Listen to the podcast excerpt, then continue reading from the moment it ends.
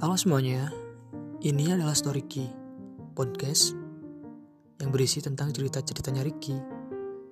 Siapa Ricky? Ya aing lah Ricky mah, siade ya tuh. Maaf ngegas. Jadi guys, ini adalah cerita-cerita yang pernah saya buat dan yang sedang saya buat.